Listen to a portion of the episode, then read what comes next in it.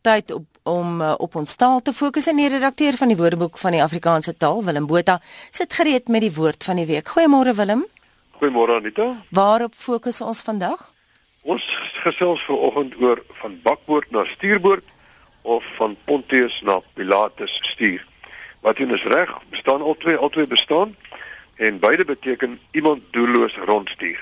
Ons ken almal daai gevoel as jy by een of ander groot instelling kom en jy soek bietjie inligting oor die een persoon en na die ander stuur en jy vader eintlik niks. Mm nou die uitdrukking van Pontius na Pilatus stuur is eintlik onlogies. Dis so goed jy sê van Anita na Visser stuur. Want dit was die naam van die Romeinse goewerneur van die provinsie Judea en Samaria. Hy was Pontius Pilatus. Maar miskien is dit juist die doel van die uitdrukking om te wys op die sinlose rondstuur van iemand. Dis so goed jy mm. stuur iemand net na dieselfde persoon te oor en oor. Nou in Nederlands bestaan daar wel uh, logies sinvolle uitdrukking naamlik van Herodes na Pilatus stuur met presies dieselfde betekenis. En dit strook met die gebeure in die in die Nuwe Testament toe Jesus eers na Pontius Pilatus gestuur is, toe na Herodes en na Herodes en toe weer terug na Pontius Pilatus. Ehm um, nou as ons 'n bietjie kyk na van bakboord na stuurboord, ehm um, laat dit ook 'n paar vrae ontstaan. Wat is nou bakboord en hoekom is dit nou bakboord en hoekom is dit nou stuurboord? Die stuurboord is die regterkant van 'n vaartuig of 'n vliegtuig as jy so vorentoe kyk. Nou stuurboord is 'n samestelling van uit Nederlands van stuur wat 'n stuur is en boord wat die kant van die skip is. So dis die stuurkant en dit is so genoem omdat die roer by ou skepe die die regterkantste wand aan die agterkant van die skip gesteek is en die skepe dus van daardie kant gestuur is. So jy staan aan die regterkant of jy sit aan die regterkant en jy stuur, daarom is dit die stuurboord, die stuurkant bakboord daarenteen is die linkerkant van 'n vaartuig of 'n vliegtuig as jy vorentoe sou kyk kom ook uit Nederlands en bak in Middel-Nederlands het rug beteken. En boord is weer eens die wand die kant van die skip so dis die rugkant. En dit is so genoem omdat die stuurman wat nou hier aan die regterkant staan en stuur dan natuurlik met sy rug na die na die linkerkant gestaan het. Dit is dan die rugkant of die linkerkant.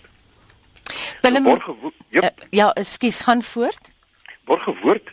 Uh mense moet nou maar begin uh vinnig maak as hulle wil nog kwalifiseer vir die 25000 rand Sanlam prys wat ter sprake kom tot die 27ste uh, Februarie het hulle nog tyd.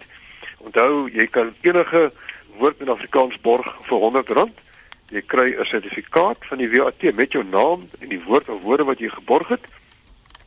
Vir 5000 rand behoort daardie woord net aan jou en niemand anders mag dit borg nie. Die R100 kan meer as een persoon wel 'n woord borg, maar elkeen kry sy sertifikaat met sy naam en sy woorde. Volledige inligting is by www.wat.co.za. www.wat.co.za. Wat kosa, ons het baie interessante borge gehad. Rian Kruiwagen borg dinges, penne lekker, woordsmit, kikkelbek en data proppie.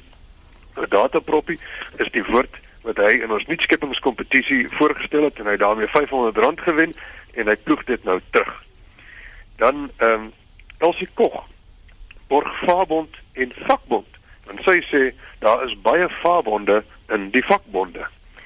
En Minion Smit borg die woord staalwol want hulle het 'n dames oefen oefengroep en die naam van die oefengroep is Kamp Staalwol. So sy bol borg staalwol. Erartiel borg verdwaal vertaal dit is sy voorstel vir die daardie verskynsel wat in Engels wat in Engels beskend staan as lost in translation.